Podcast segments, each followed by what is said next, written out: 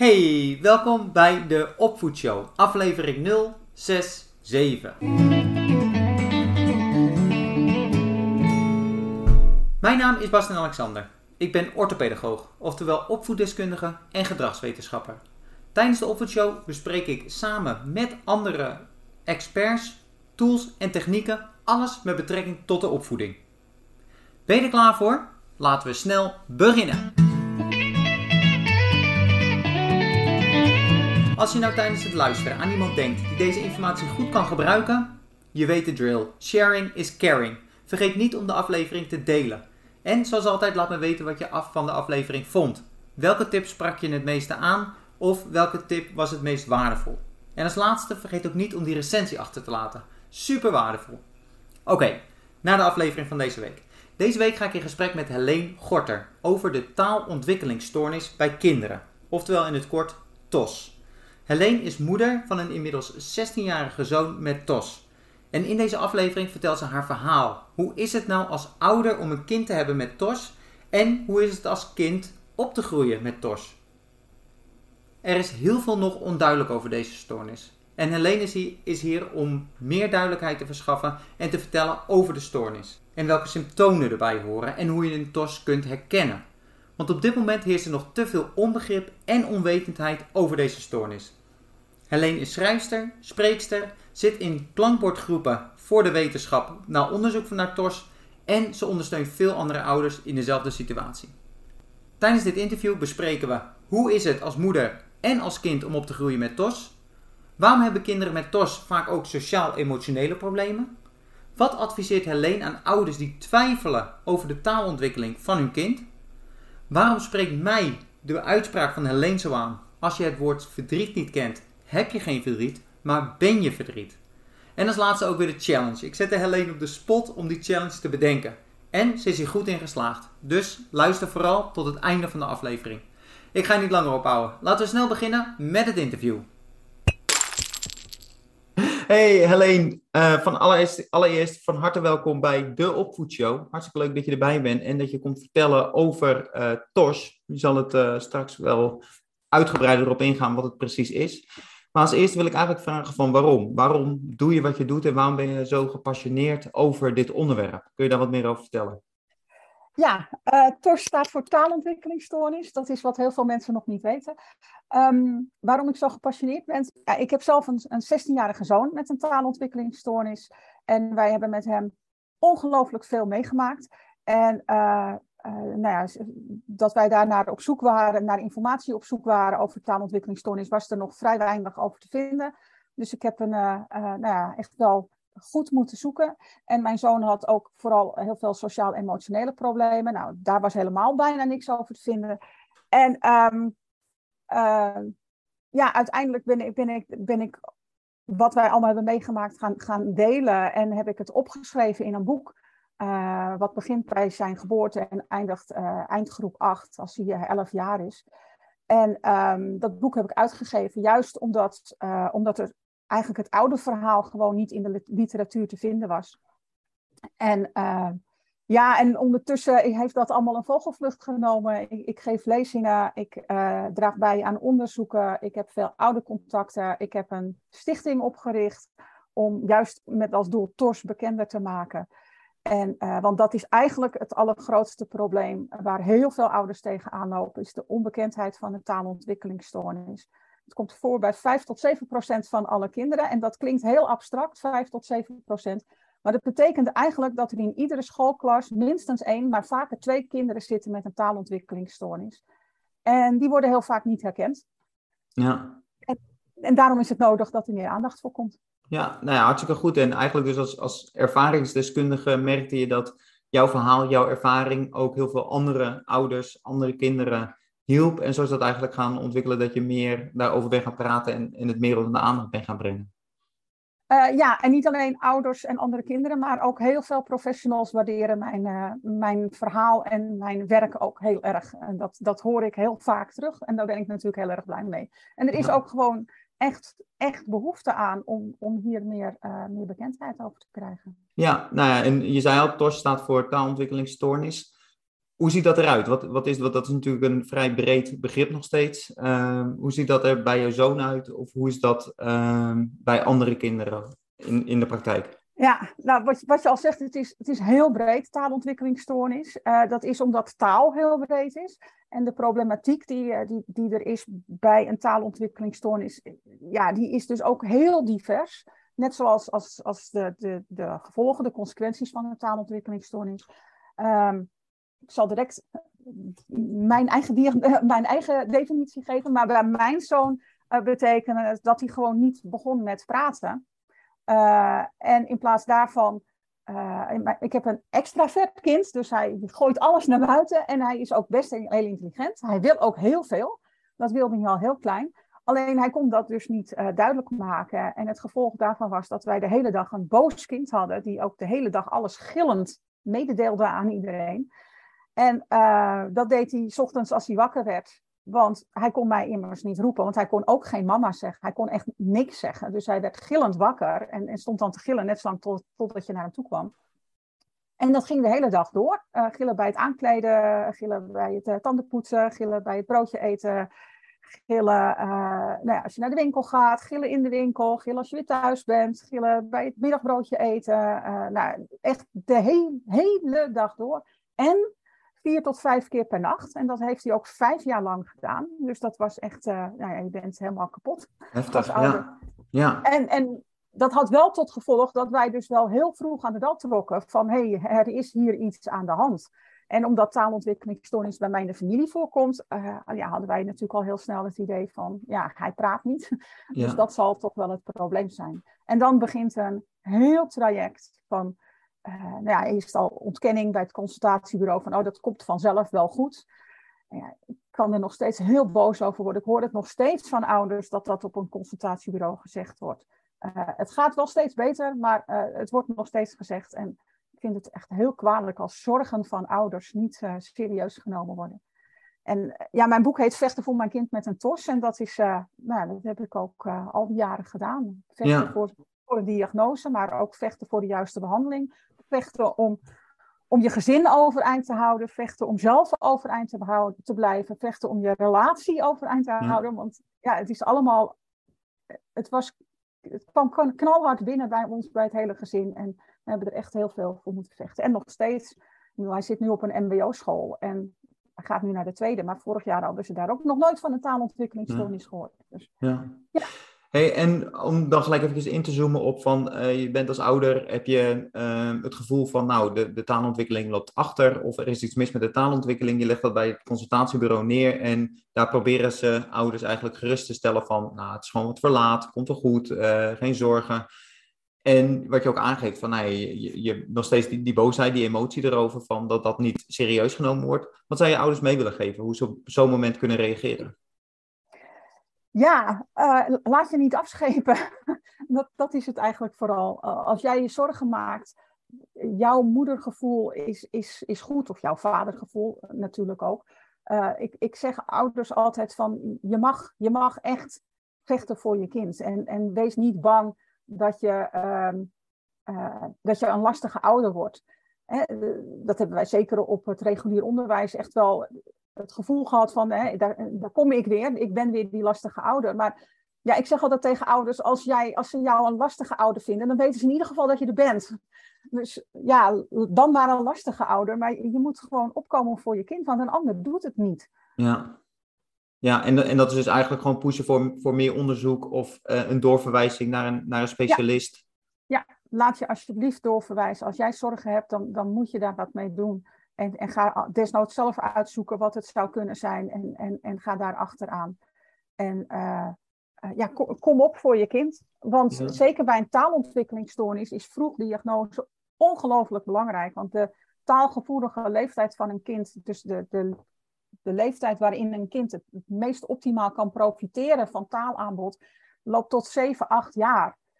En hoe eerder je daarop inzet, hoe jonger je daarop inzet, hoe meer resultaat er behaald kan worden.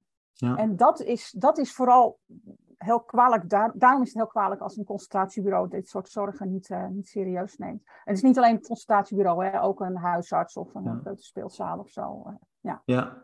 Hey, en ehm, misschien kun je nog iets verder opgaan van waar, waar zit de oorzaak van de taalontwikkelingsstoornis? Van, het is niet een, uh, een, een, lichamelijke kwaal per se, van dat, het, dat de spraak zelf, maar het, het, de oorzaak zit in de hersenen. Kun je, da kun je daar wat meer over vertellen? Ja, nou, ja, dat is lastig, want daar is men nog steeds niet over uit. de oorzaak zit in de hersenen. De taal wordt op een, op een andere manier verwerkt dan bij mensen zonder taalontwikkelingsstoornis. Uh, het komt bij mij in de familie voor, dus er is echt wel een erfelijke component, maar ze kunnen niet aanwijzen op welke gene dat nou zit. Ze, ze denken dat het een combinatie is van verschillende kleine verstoringen in de genen. Uh, ik weet dat er wel hersenonderzoek is gedaan en dat ze zien dat bij mensen met een taalontwikkelingsstoornis andere hersengebieden oplichten, zeg maar, dan bij mensen zonder taalontwikkelingsstoornis. Maar diezelfde hersengebieden zien ze ook bij kinderen met dyslexie. Bij autisme zie je ook andere, andere hersengebieden oplichten als de taal wordt ingezet.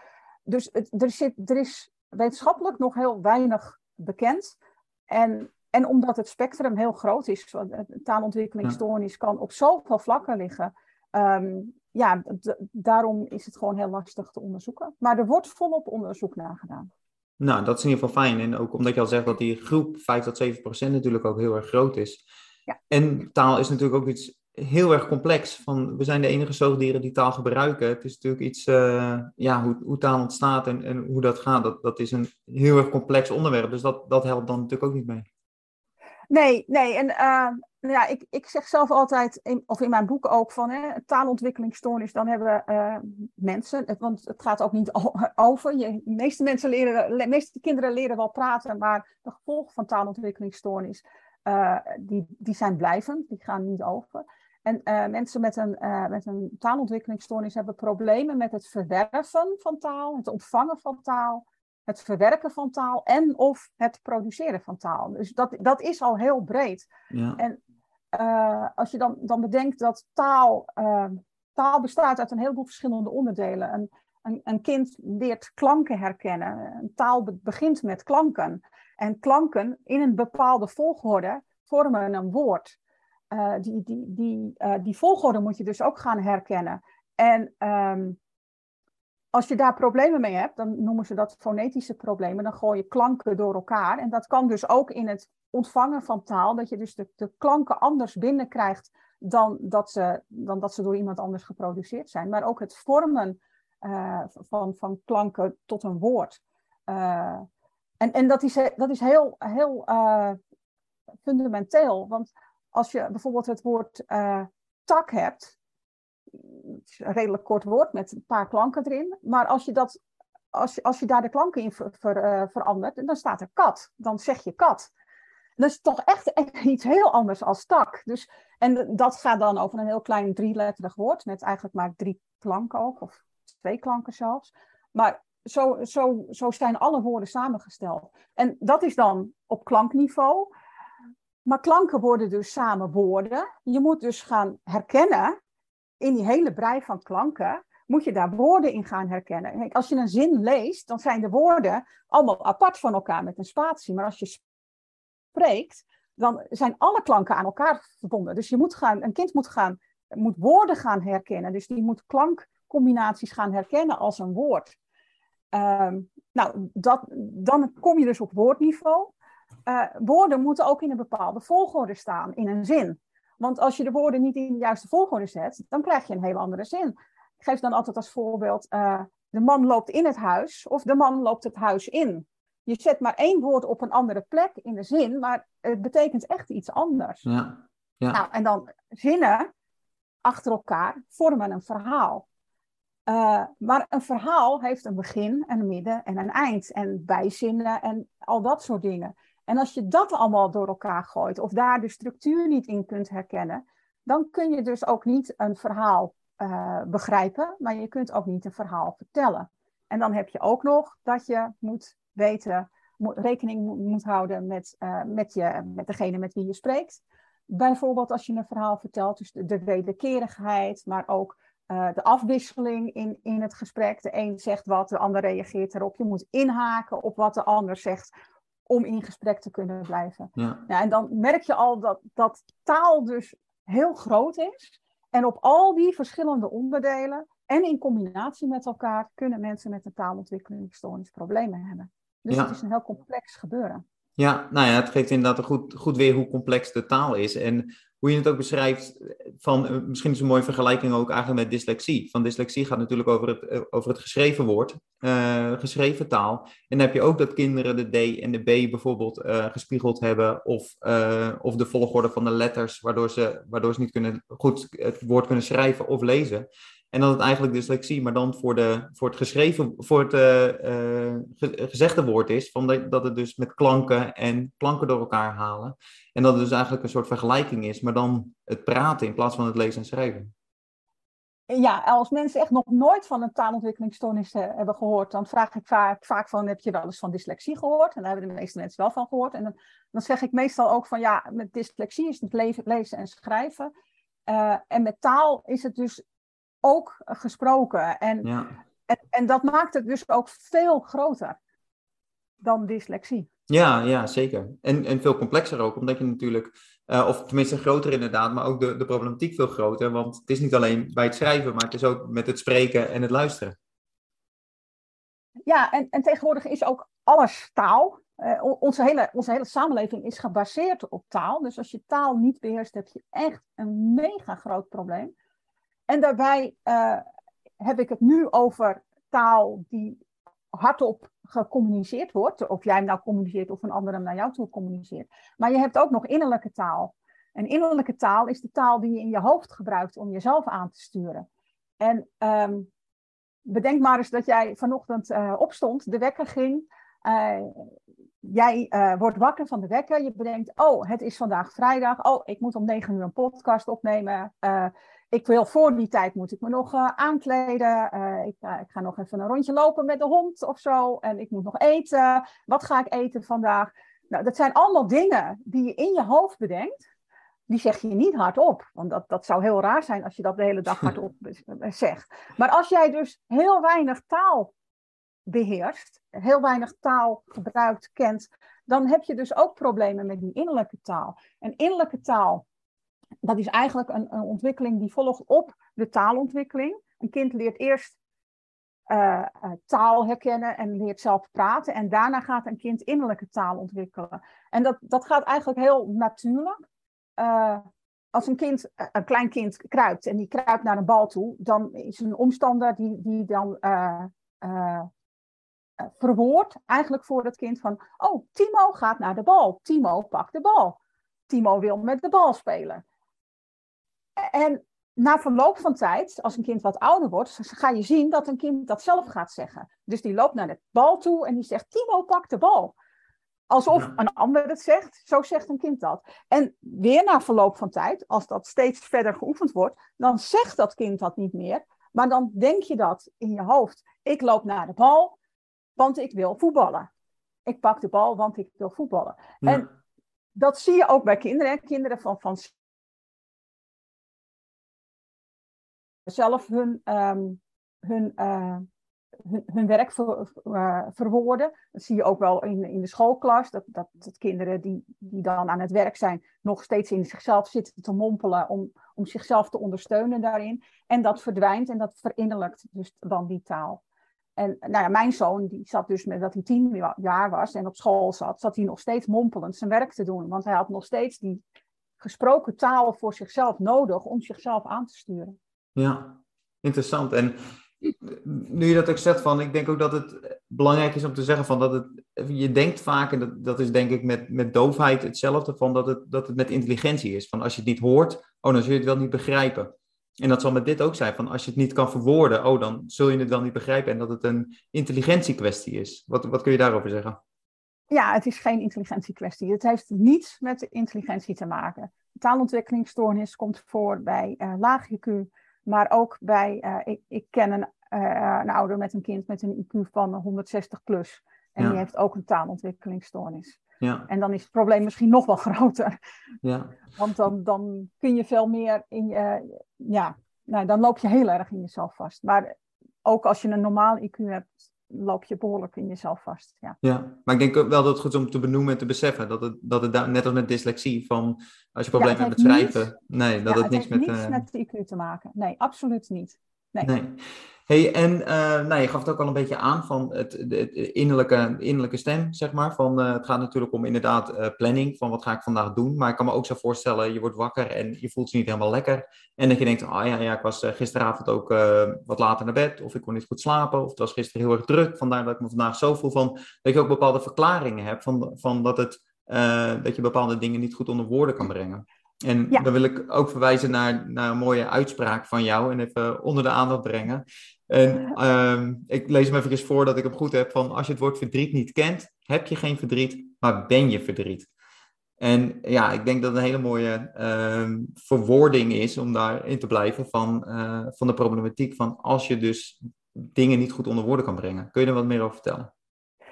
Ja, uh, nou dit is eigenlijk een theorie die ik, of een zin die ik bedacht heb naar aanleiding van, van de problematiek van mijn zoon. mijn zoon die, die, had dus niet de woorden om, om zijn eigen uh, emoties te herkennen. Want je moet het woord verdriet ken, uh, kennen om, om te kunnen bedenken dat je verdriet hebt. En, uh, en je hebt ook het, het, woord verdriet nodig om, um, om je eigen verdriet te gaan reguleren. en daar bedoel ik mee dat als, als een kind drie jaar is en het valt, nou, dan gilt het de hele buurt bij elkaar. Want auw, pijn. Nou, het kind kan er helemaal niks mee. Komt de moeder naar hem toe en die gaat het kind troosten. En die zegt dan, oh, laten we eens even kijken. Oh ja, je knie is stuk, maar het valt wel mee. Een moeder is op dat moment aan het begrenzen van het, aan het kaderen van het verdriet. Hè? Ja, ik zie dat je verdriet hebt. Geef er het woord aan. Ik zie dat je verdriet hebt. Laten eens even kijken. Oh ja, je knie is kapot, maar het valt wel mee. Kom, we halen even een pleister, we maken het schoon, halen een pleister erop. Zo, nu is het klaar. En dat is het begrenzen van een emotie, in dit geval verdriet. Naarmate een kind ouder wordt, gaat een kind dat ook zelf doen. het valt op het schoolplein, het huilt, logisch, want het doet pijn. Ik bedoel, als ik hard val, dan springen ook de tranen in mijn ogen. En dan huil je misschien ook wel. Of dan zeg je ook van au, au, au. Maar je gaat dus jezelf begrenzen. Je gaat zien van, hé, hey, een ander reageert, de juf komt al naar me toe. Uh, oh ja, het valt eigenlijk wel mee. En dan ga je zelf doen. Mijn zoon, dat, dat hij tien jaar was en viel op het schoolplein, ja, gilde hij nog steeds het hele schoolplein bij elkaar. En na een half uur nog steeds.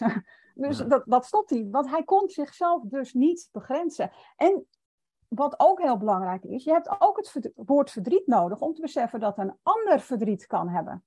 En dat maar komt dan gelijk op de, op de sociale interactie en de, en de emotionele ontwikkeling. Je hebt dus ook woorden nodig om een ander te kunnen begrijpen. En als je die woorden niet hebt, dan kun je dus ook die ander niet begrijpen. En nou ja, met, met het, het reguleren, als ik val, ik heb verdriet, uh, ik gil het uit, en ik zie de reactie van een ander daarop, van nou, doe eens even niet zo overdreven, weet je, er zit, je knie is niet eens kapot. Dan, dan helpt mij dat om, om, om mijn eigen reactie te gaan, uh, uh, te gaan reguleren weer. Maar als ik dus niet besef wat die, dat, wat die ander ziet, omdat ik zo overweldigd ben door mijn eigen verdriet waar ik geen woorden aan kan geven, dan kan ik daar dus ook niks mee. En dat zorgt er wel voor dat je, als, als een kind drie is en het valt en het gilt alles bij elkaar, dan is dat sociaal geaccepteerd. Maar als een kind tien is en het valt en het gilt alles bij elkaar, is dat niet meer sociaal geaccepteerd. En dat betekent dat je buitengesloten wordt. Kinderen gaan je uitlachen. Oh, oh, oh, oh die valt en die kan niet eens. Nou, dit is aansteller. Nou, dat soort dingen ga je allemaal krijgen. Wordt uitgelachen. En, en dat is bijvoorbeeld ook wat mijn zoon dan overkwam. Ja. Terwijl hij eigenlijk gewoon nog steeds iemand extern nodig had om zijn verdriet te begrenzen. Ja, ja, om eigenlijk het, het, te verwoorden uh, en uh, te begrenzen inderdaad, ja. Ja. Nou, heftig. Van, ja. van wat er allemaal bij komt kijken, van dat, wat, wat taal doet en, en wat je ook zegt, want het is zo dominant in onze samenleving nu, de taal. En niet alleen van, uh, ik loop door de stad en ik, en ik zie een verkeersbord, oh, ik moet hier naar links, van het lezen ervan. Maar ook, ja, inderdaad, qua emoties, het verwoorden, voor jezelf dingen verwoorden, verklaren. En dat daar allerlei emoties ook bij komen kijken. Ja, en, en, en ook gewoon sociaal contact. Hè? Uh, sociaal contact gaat ontzettend vlug. uh, zie je op een schoolplein een groep kinderen bij elkaar staan. Dat gaat heen en weer. En mijn zoon kon dat niet volgen. Die kon, die kon die snelle interactie niet volgen. En dan word je dus buitengesloten. En misschien nog niet, nog niet eens actief door die kinderen, maar je, slaat je, je sluit jezelf buiten omdat je niet aan kan haken, omdat je niet mee kan doen. En vaak ook uh, haken kinderen af. Uh, het, het, je bent de hele dag met taal bezig. School zeker is de hele dag taal. Maar ook gewoon thuis is het de hele dag taal. En als jij moeite hebt met het verwerken van die taal, die taal wordt dan echt een, een, een gigantische woordenmassa in dat hoofd, wat geen plek meer kan vinden. Ja, dan ben je op een gegeven moment gewoon moe en dan haak je af. En dan zie je bijvoorbeeld in een schoolklas ook een kind dat bij talige instructies uh, nou ja, naar buiten kijkt, uh, zijn potlood laat vallen. Mijn zoon viel dan zelf zelfs van de stoel. Gewoon omdat hij. En dat, dat lijkt dan als heel ongeconcentreerd. Dus dan krijg je al heel gauw ADHD. Hè? Kind let niet op. Maar uh, nou ja, het, het, kwam echt uit een, uit, een, uit een observatie van de ambulant begeleider ook. Dat als de juf dus instructie gebruikte met de digibord erbij en daar continu naar verwees, dan was mijn zoon volop geconcentreerd, was hij geïnteresseerd. Maar stapte ze over op echt alleen verbale instructie. Ja, dan zag je dus de kat op het schoolplein lopen. Nou, zijn pen viel op de grond, hij viel zelf op de grond. Uh, die buurman die kon wel even een schop tegen zijn schenen krijgen. Ja, en dan heb je dus een kind dat de, dat de les verstoort en dan wordt daarop gehandeld. Terwijl het probleem is dat hij een taalontwikkelingsstoornis heeft en dat hij heel veel visuele ondersteuning nodig heeft. Omdat die taal, die, die woordenbrei te veel wordt voor zijn, voor zijn hoofd, dat hij dat niet kan verwerken. Ja, nou, en, en als je dan ook zo zegt, dan, dan is het logisch en, en kan iedereen het begrijpen.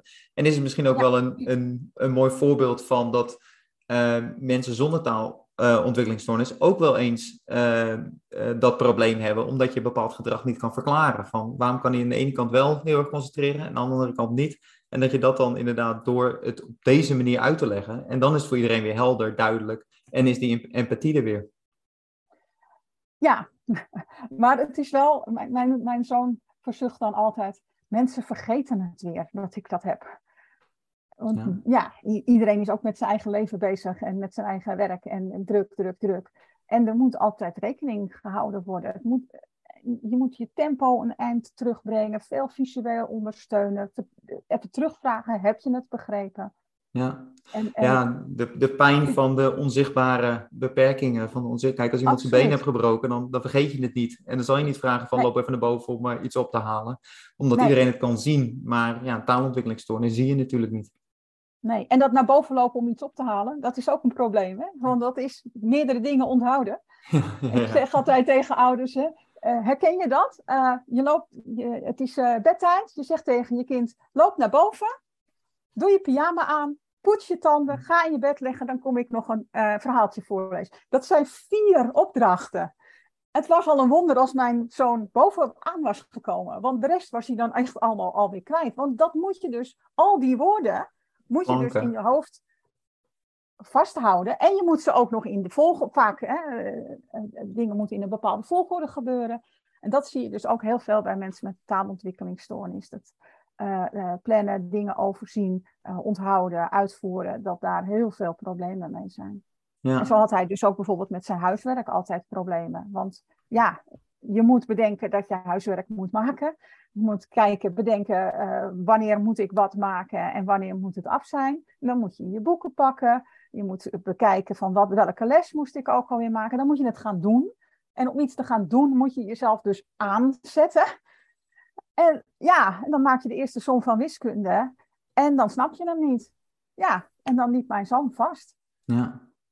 Want dan kon hij, kon hij niet verder, want hij zat met die som in zijn hoofd en ja, geen ruimte om de tweede som te doen. Ja, hey, en ik snap, dit is een hele grote vraag, maar in jouw ervaring met, met je zoon, met, met, uh, met Tos, van wat zou je ouders mee kunnen geven, zeg maar, die uh, hiermee te maken hebben van wat zijn nou één of twee belangrijke kernpunten dat je zegt van, nou, als ik hier rekening mee hou of, of op deze manier kan ik, kan ik mijn kind heel goed helpen van, wat, wat zou je ouders mee kunnen geven? Oeh, één of twee dingen, dat is echt heel moeilijk. Ja. Um, um, waar wij heel veel hebben aan hebben gehad, is um, eh, teruggeven wat jij denkt dat hij bedoelt. Want een kind het Ja, ja. En, uh, en, en wat heel erg heeft geholpen bij onze zoon, is uh, toch structuur, een planbord. dat, dat je weet wat er, dat hij weet wat er komen gaat zodat hij daar niet over na hoeft te denken. Want dan heeft hij dus meer ruimte. En dat klinkt heel erg als uh, uh, behandeling voor autisme. Hè? Zo ga je ook met mhm. mensen met autisme om. Maar de reden waarom je het doet, is dus een andere reden. Uh, bij, bij kinderen met taalontwikkelingsstoornis is het puur van dan beter, weten ze wat er gebeuren gaat. En daar, dat hoeven ze dus niet te onthouden. Ze hoeven ook niet onverwachte dingen dan te verwerken. Want onverwacht, dan moet je schakelen in je hoofd. En dan moet je dus allemaal innerlijke taal gebruiken van uh, als je opeens bedenkt, oh, we gaan vandaag uh, bij die en die langs, dan ga je daar een heleboel dingen over bedenken. En onverwachte dingen zijn dus lastig. Ja. En als je dat dus weet van tevoren, wat er gaat gebeuren, dan uh, kun je je daar uh, rustiger en makkelijker op voorbereiden. En dan hoef je daar dus niet heel veel over na te denken. En blijft er dus ruimte voor andere dingen in het hoofd. Ja, ja, heel erg uh, helder en, en, en logisch ook. En ik denk ook hele goede tips om, om aan ouders en andere professionals ook, ook aan mee te geven. Nou heb ik altijd bij de opvoedshow, vraag ik altijd om, een, om, de, om mijn gast om een, om een challenge te bedenken. Gewoon voor ouders om de komende week is rekening mee te houden of, of over na te denken. Wat zou je, en dan uiteraard gericht op de, op de TOS, maar dat je zegt van nou, de, het gesprek wat we net hebben gehad, om dat eens samen te vatten in één challenge van probeer nou eens deze week, puntje, puntje, puntje. Hmm. Oh, zo. Ik, die komt onverwacht. ik, ik, heb me er niet op voorbereid. Um, mm, mm. Nou, dan denk ik toch vooral um, probeer nou eens deze week al je taal in een tempo te doen dat twee stappen lager ligt. Want, en ik vind dat zelf heel moeilijk. Je, je hoort, ik praat zelf ook heel vlot.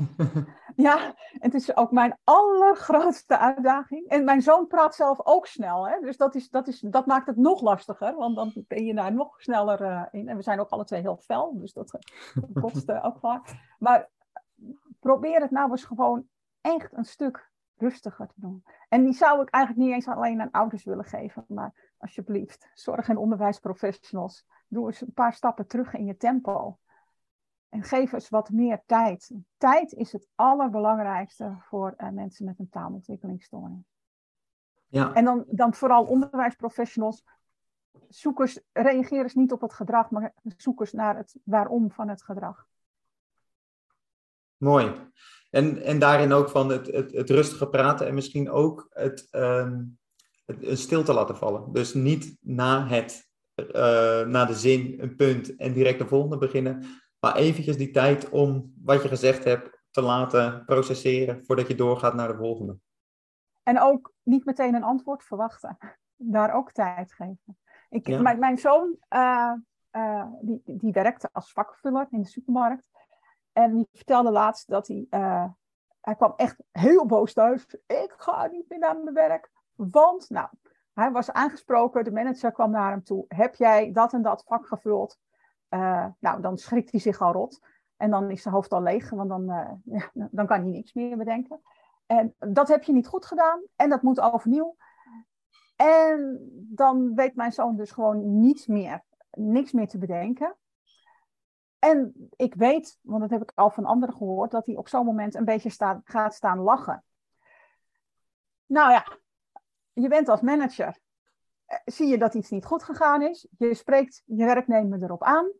Die zegt niks en gaat een beetje staan lachen. Ja. ja ik snap dat die manager behoorlijk uit plaat ging. Maar het komt omdat mijn zoon dus niet op zo'n onverwacht iets uh, kan reageren zijn hoofd is dan ook echt leeg. En dan, ja, ik, ik heb de manager niet gesproken, want dat mag niet van mijn zoon. Maar ik zou dan willen adviseren van, hè, zeg dat tegen, tegen, tegen mijn zoon.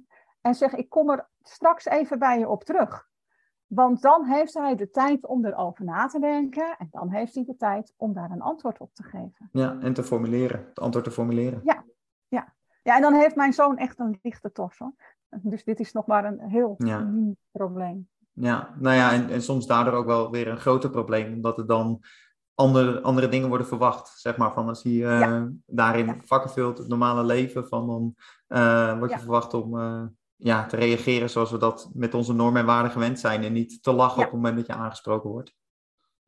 Ja, dat, ja.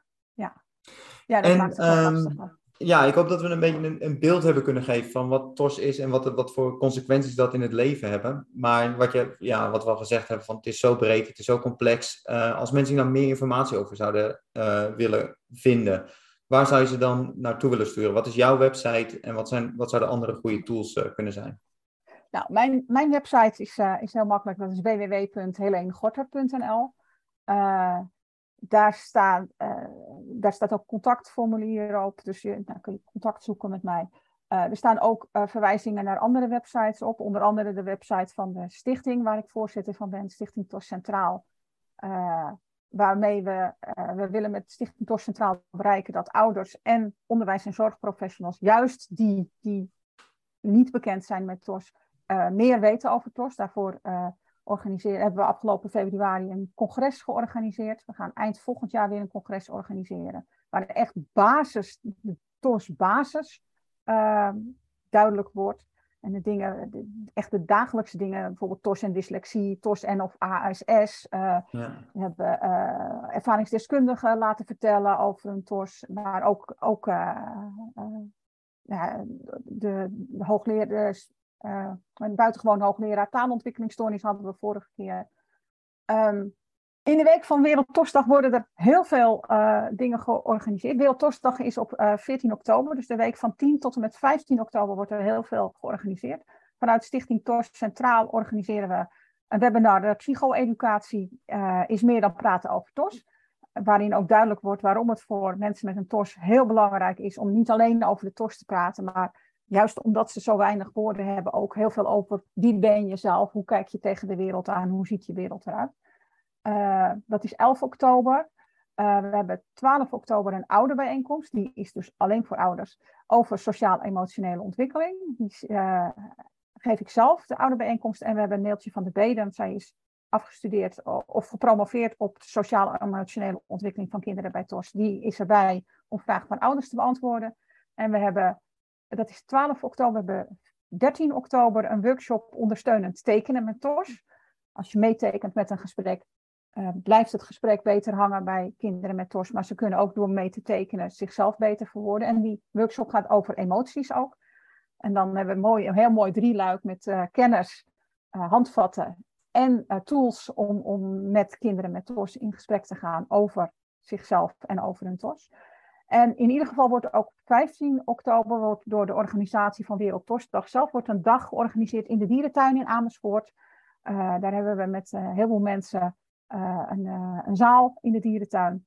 Waarin heel veel dingen worden gedeeld over TOS. Een meet and greet mogelijk. Wordt een film ge, is een première van een film over taalontwikkelingsstoornis. Waarin twee jongeren gevolgd zijn met een TOS. En de website Alles over TOS wordt gelanceerd. En dat is dan ook de website die dan gelanceerd wordt, waar ik naar wil verwijzen. Vanaf 15 oktober staat die website, het oude deel in ieder geval daarvan, open. En daar is heel veel informatie over TOS te vinden. En er Super. komt nog een deel voor professionals. En um, over de TOS-weken staat dat ook allemaal op jouw website? Uh, ik heb een... Of in ieder geval een link? Oeh, nee. nee. Oeh, ik heb wel een link naar, uh, naar uh, de Stichting TOS Centraal op mijn website staan. Uh, nee, naar Wereldtosdag niet. Maar dat is een, een website www.wereldtosdag.nl. Okay. Waar al ik, deze bezigheden op komen. Ja, ik zal die links ook allemaal in de uh, beschrijving neerzetten. Uh, zodat mensen daar ja. ook makkelijk, makkelijk kunnen vinden. Nou, ik, ik wil je bedanken voor, voor een helder verhaal. Ik hoop dat het inzichtelijker is geworden. En we hebben natuurlijk nog maar het puntje van de ijsberg ja. besproken en gezien. En ja, ik denk dat ik zou ook nog wel graag een keer terug willen vragen in de toekomst om, uh, om er nog eens verder over te praten. Maar voor nu wil ik je in ieder geval uh, heel erg bedanken en uh, succes met je, met je missie om het onder de aandacht te brengen. En ga vooral zo door, zou ik zeggen. ik, dat, dat ga ik zeker doen. En misschien dat we dan over het onderwijsonderzoek kunnen hebben, wat ik hoop voor elkaar te krijgen. Ja, helemaal goed. Wachten we dat af. En nou, dan zou ik willen zeggen tot de volgende keer. Ja, tot de volgende keer. Dankjewel.